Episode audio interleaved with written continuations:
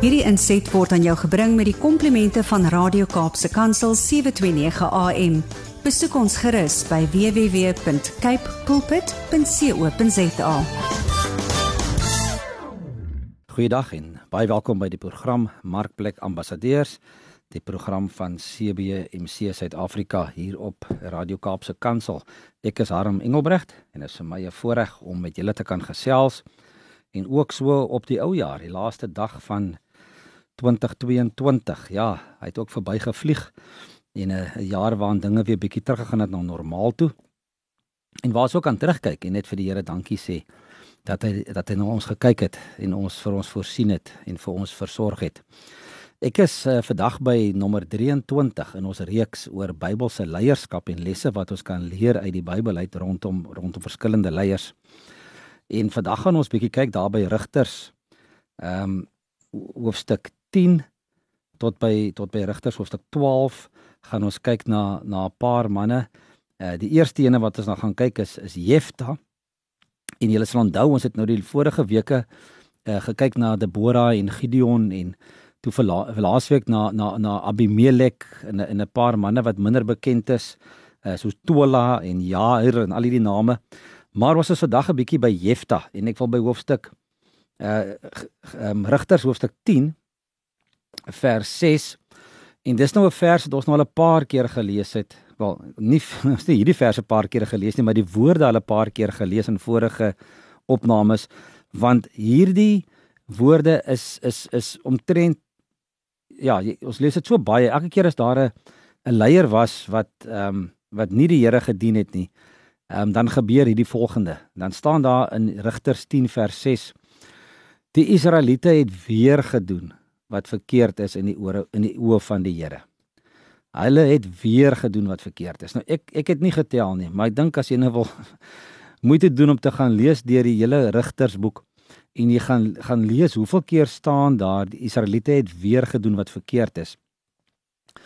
Dis nogals dis nogals ontstellend hoe baie keer hulle hulle hulle weggedwaal het van die Here af en ontrou was en ander gode aanbid het. En hier by vers 7 staan daar self toe die Here kwaad geword vir die Israeliete. En hy het hulle oorgegee in die mag van die Filistyne en die Ammoniete. Ja, daar't 'n punt, daar's 'n punt bereik waar die Here gesê het, "Wow, hierdie mense is nou regtig waar aspres. Ek ek ek ek gaan my nou so half 'n bietjie onttrek aan hulle." Hy het kwaad geraak vir hulle, hy het hulle oorgegee in die mag van die Filistyne en Ammoniete. En van toe af het die Amorite die Israeliete in Gilead 18 jaar lank verdruk en mishandel. So die volk was ongehoorsaam en vir 18 jaar word hulle verdruk en mishandel.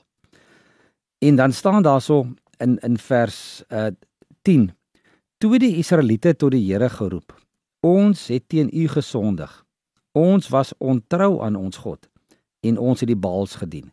So, die eerste ding wat hierso gebeur, Israeliete is vir 18 jaar in die moeilikheid Hulle kry swaar en nou roep hulle na die Here toe. Nou sê hulle, nou wil hulle kom repent. Nou sê hulle ons het gesondig. Ons was ontrou want ons het die ons het uh, God verlaat en ons het die Baal die Baals gedien, die afgode gedien. Die Here het vir die Israeliete Israeliete gesê: Toe die Egiptenaars, die Amorite, die Ammoniete, die Filistyne, die mense van Sidon en almal julle verdruk het en julle tot my geroep het, het ek julle uit hulle mag gered. Maar julle was nou ontrou aan my Julle het ander gode gedien en daarom het ek julle nie nou gered nie. En hoor nou wat sê wat sê die Here vir hulle? Gaan roep tot die gode wat julle gekies het en laat hulle julle nou red terwyl julle swaar kry. Natuurlik weet ons dit kan nie gebeur nie. Uh en die en die en die Here draai bietjie sy oor teen die, teen hierdie manne en, en hulle straf hulle bietjie verder. Maar toe sê die Israeliete: Ons het gesondig, Here. Doen U met ons wat goed is in U oë, maar red ons tog net vandag. Nou kyk nou wat het gebeur by vers 16. Hulle toe die ander gode tussen hulle uit verwyder en hulle het die Here gedien. En hy het 'n eind gemaak aan hulle swaar kry. Nou terwyl dit op die einde van die jaar is op 31 Desember 2022 toe ek hierdie gedeelte weer gelees het, toe toe ek toe ek gewonder weet, hoe lyk dit in ons eie lewe? Elke keer wanneer ons nou 'n ou jaar kom en 'n nuwe jaar, dan het mense mos nou voornemens. En mense wil mos nou weer 'n nuwe begin maak. en hulle wil die die die ou jaar agter hulle sit en sê weet jy wat ons het dalk droog gemaak in hierdie jaar. Ons het dalk nie die Here gedien soos ons moes nie. Maar kom ons doen dit nou reg van volgende jaar af. As as die klok nou vir nag 12 uur slaan en dis nou dis nou 1 Januarie 2023 môre dan dien ons weer die Here. En dan gaan ons hom weer voluit dien en ons gaan hom weer volg en hoeveel keer het mense nie al daardie beloftes gemaak of daardie voornemens gehad om te sê maar ons gaan ons gaan die Here dien ehm um, maar en dan is dit nie die middel volgende jaar toe kom wel nie selfs die middel nie sommer al net volgende week kom 2 weke later ehm um, dan is daai belofte verby en ons is maar weer terug terug waar ons was en ons dien nie meer die Here met oorgawe soos wat ons aan hom beloof het nie. Maar ons sien hierso verder in hierdie in in in hierdie gedeelte in Rigters hier in hoofstuk ehm um, 10 vers 18 die leiers van van Gilead het vir mekaar gevra wie sal die oorlog teen die Ammoniete begin? Die man moet die leier van al al Gilead se mense wees. Want onthou nou die Here nou die volk het nou gesê Here asseblief red ons tog net. Ehm um, hulle die gode tussen hulle verwyder en toe by vers 17 staan as so die Ammoniete is opgeroep en hulle het kamp opgeslaan in Gilead die Israeliete het kamp opgeslaan in Mispa so nou nou moet Here Hier gaan nou 'n bekleierery plaasvind, maar maar die Israeliete het nie 'n leier nie. Hulle het nie iemand wat kan voorloop om te sê, weet wie gaan nou hierdie volk lei in hierdie geveg nie. En dan lees ons in vers 11 'n um, baie onwaarskynlike persoon. En ons het laasweek ook twee weke terug ook gekyk na die die mees onwaarskynlike mense wat baie keer deur die Here gekies om vir spesifieke redes. En hier by hoofstuk 11 vers 1 staan daar Jefta was 'n seun uh van Gilead. Hy was 'n dapper soldaat. Maar hoor wat staan daar. Sy ma was 'n prostituut en sy ma was en sy pa was Gilead. Gilead se vrou het ook vir hom seuns in die wêreld gebring en toe hulle groot word, het hulle vir Jefta weggejaag en gesê jy mag nie van ons pa erf nie want jy's die kind van 'n ander vrou. Hiersoos hierdie arme man, hy het nie regtig 'n inkomme nie.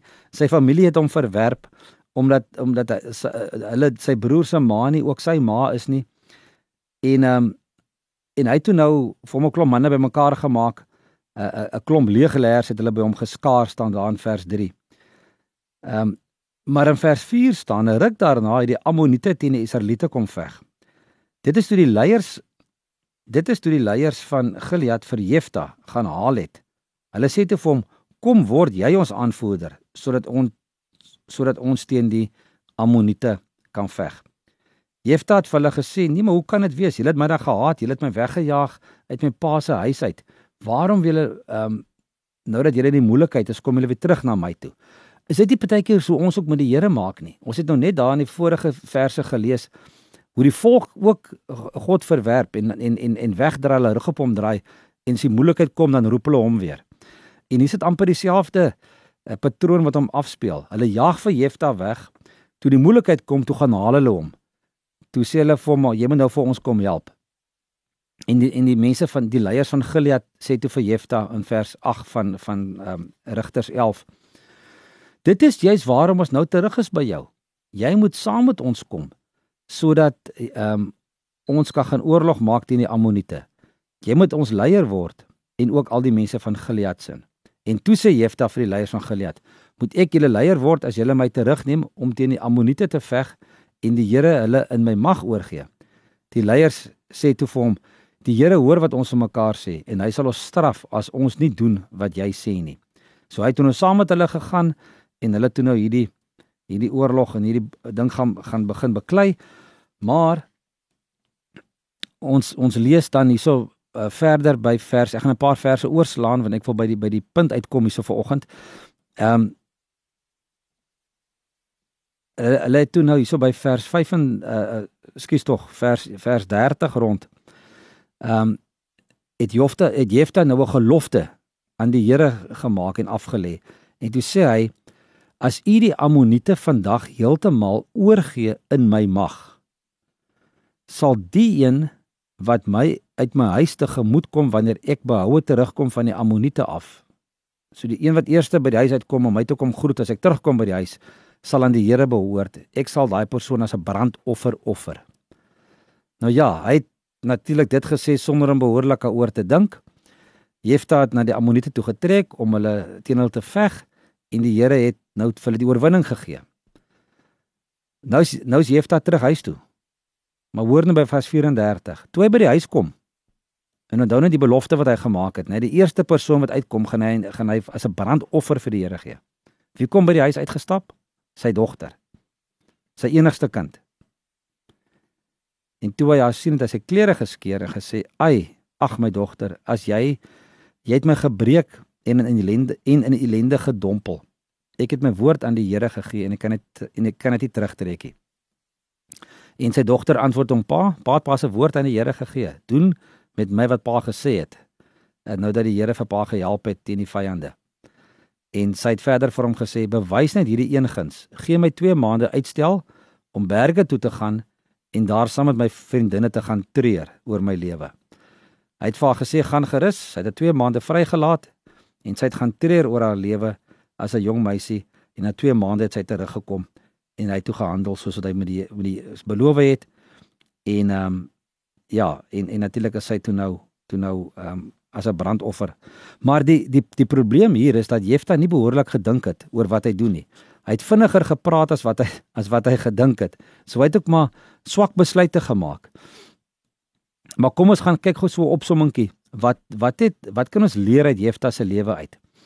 So eerstens hy was 'n uh, hy was Israel se neende rigter gewees. Ons het mos nou ehm um, gepraat oor die vorige ag al in vorige programme. So so so Jefta was nommer 9 van hierdie rigters. Ehm um, hulle noem hom in die Bybel 'n dapper soldaat. Maar sy ma was 'n uh, was 'n prostituut. Sy was nie sy ma se kind. Hy was nie sy sy eie uh, sy pa se vrou se kind nie. En en sy verhaal leer vir ons 'n paar belangrike lesse oor leierskap. Eerstens weer eens dat dat God onwaarskynlike kandidaate kies. Hy kies onwaarskynlike mense om uiteindelik invloedryke leiers te word. En dan natuurlik ehm um, vers 4 tot 6, daar's 'n klomp mense wat hulle by hom geskaar het. So ons leer ook mense volg leiers wat die regte gawe het vir die situasie. So 'n persoon wat in 'n sekere situasie reg kan optree, gaan altyd volgelinge hê en hy gaan die leier in daardie in daai posisie wees. En dan natuurlik ehm um, by vers 7 tot 11 lees ons dat 'n goeie leier stel vas wat is die rede? Hoekom soek julle my? Hoe wat moet ek vir julle gaan doen? En watter resultaat verwag julle? En Jefte het uiteindelik saamgegaan en hy het toe nou uh, ingestem om die volk te gaan lei in hierdie in hierdie uh, veldslag. Maar ook 'n doeltreffende leier ehm um, onderhandel dat almal wen so ver as moontlik. Dit lees ons ook aan die tweede jaar tweede helfte van van hoofstuk 11 van van ehm um, Rigters. Maar dis ironies dat Jefta al die lesse uitgeleef het. Maar net voordat hy die oorwinning sou behaal, neem hy 'n baie tragiese besluit. En hy dink nie oor wat hy sê nie. En hy sê vir die Here, hy beloof die volgende: "Die een wat my uit my huis te gemoed kom, sal ek as 'n brandoffer aan God offer." Hy sou nooit kon dink dat dit sy enigste kind sal wees wat na sy oorwinning hom sou kom groet nie en sy oor oorhaastige belofte aan die Here het hom ook 'n paar dierlesse geleer. Eerstens, 'n mens se begeertes en emosies kan jou maklik pootjie. Alles jy die beste leier en in die grootste posisie kan verkeerde besluite, verkeerde begeertes en emosies kan jou pootjie. Besluite en ehm um, ondernemings wat jy maak of beloftes wat jy maak behoort nie sommer net gesê te word nie, maar behoort behoorlik nagedink te word of wat die gevolge daar kan daarvan kan wees. En leiers moet vooraf duidelik maak wat hulle bereid is om op te offer. En goeie leiers doen hulle beloftes gestand ongeag die prys. En dit is wat Jefta hier gedoen het en hy het 'n baie baie duur les geleer. Na Jefta, ehm um, lees ons dat daar nou weer nuwe manne of volgende manne oorgeneem het by hoofstuk 12 vers 8. Verskoning na Jefta was was Ibsan uit Bethlehem die leier van die Israeliete. Hy 30 jaar 30 seuns en 30 dogters gehad en dan lees ons daar was na na hierdie Ibsan was daar 'n man met die naam van Elon en toe was daar 'n man met die naam van Abdon. Nou ek wil amper vir jou 'n wetenskap vat. Jy het nie eens geweet dat hierdie persone ook rigters was nie. Want hulle is so half word so nie verbygaan genoem en asof hulle nie ook vreeslik invloed gehad het nie. Want daar het 'n tyd gebeur, uh het 'n tydperk verloop. Ehm um, terwyl hierdie drie manne die leiers was in in Israel. Ehm um, maar ons weet nie veel wat in daai tyd gebeur het nie. Ehm um, maar wat ons wel weet is daai drie leiers wat hom opgevolg het, het baie kinders gehad. Hulle het vir altesaam 25 jaar geregeer. En ons weet nie veel van hulle nie. Behalwe dat dit miskien meer oor hulle self gegaan het as oor die eer van die Here. Ehm um, dan hoofstuk hoofstuk uh, 13 begin deur te sê dat Israel na hulle dood onmiddellik weer gedoen het wat verkeerd is in die, die Here se oë. Hoofstuk 13 vers 1 is presies die woorde wat ons lees in hoofstuk uh, uh, 10 vers 1 hè. Die Israeliete het weer gedoen wat verkeerd is in die oë van die Here. En het hulle vir 40 jaar lank oorgegee in die mag van die Filistyne. So hoekom het dit dan weer 'n keer gebeur? Hierdie drie manne wat vir Jefta opgevolg het, het nie behoorlik geweet wat hulle moet doen nie. Hulle hulle daar was nie 'n goeie visie gewees nie en hulle het meer oor hulle self omgegee as oor die volk. so wanneer leiers se visie verswak of hulle verloor hulle fokus en visie, dan is hulle invloed ook daarmee saam daarmee heen. En hoe meer beperk die visie is, hoe meer beperk is 'n leier se invloed. Die die drie manne wat ons van lees hierso, um Ipsan, Elon en Abdon, het geen groot dade vir God verrig nie. Um want hulle het nie groot dinge van God raak gesien nie. Daarom eindig elkeen van hulle se verhaal eenvoudig met die woorde: Hy het gesterf en hy's begrawe. Die storie raak nog nog slegter en treuriger wanneer ons besef dat die leiers se beperkte visie net so ver gestrek het as hulle eie aansien. Hulle het wel in die begin op God vertrou, maar later vir God uit die oog verloor en hulle eie uh publisiteit geglo. Daar steek tog waarheid in die stelling dat 'n mens se geestelike volwassenheid gemeet kan word in die tydperk wat jy kan wag vandat jy sukses met jou bediening behaal tot wanneer jy erkenning daarvoor kry. Die oomblik wanneer leiers begin soek na selfverheffing en erkenning, vergeet hulle ook om God te soek. So ek gaan um, vir hierdie week gaan ek gaan ek hierso vol staan en dan wil ek volgende week 'n bietjie met julle gesels oor Samson. Maar ek wil ook hierdie geleentheid gebruik om vir elkeen van julle 'n baie geseënde um, nuwe jaar in 2023 toe te wens. En dat ons ook hierdie beginsels wat ons in hierdie jaar geleer het, of dit of dit verkeerdes of regtes was dat ons dit dat ons dit so gebruik dat ons die die verkeerde sal vermy en die verkeerde voorbeelde wat ons gesien het ook van van leiers in die Bybel uit die Ou Testament tot sover dat ons nie in daai selfde slaggate sal trap en so, dat dit oor onsself sal gaan nie maar dat dit sal gaan oor, oor die Here sal gaan en oor dit ehm um, en oor sy saak en dat ons ehm um, eenvoudig net ehm um, die rol sal inneem van van van dienaars en van ehm um, mense wat net uh die Here sal dien deur deur 'n um, kanaal te wees waardeur hy kan werk. So laat ons bereid wees en beskikbaar wees om gebruik te word deur hom. En ehm um, ja, kom ons kyk ook. Wat is die nalatenskap wat ons agter gaan laat? Wat wat sê wat gaan mense van ons sê die dag wanneer ons nie meer daar is nie? Was ons het ons positiewe invloed gehad op mense of 'n negatiewe invloed? Ehm um, het ons mense nader na die Here toe getrek of hulle weggestoot? So kom ons gaan doen 'n bietjie introspeksie op die einde van hierdie jaar en as ons dan nou wil 'n voorneme maak, laat dit dan wees ook om die Here opnuut voluit te dien. Ek groet julle tot volgende week. Totsiens. Hierdie inset was aan jou gebring met die komplimente van Radio Kaapse Kansel 729 AM. Besoek ons gerus by www.cape pulpit.co.za.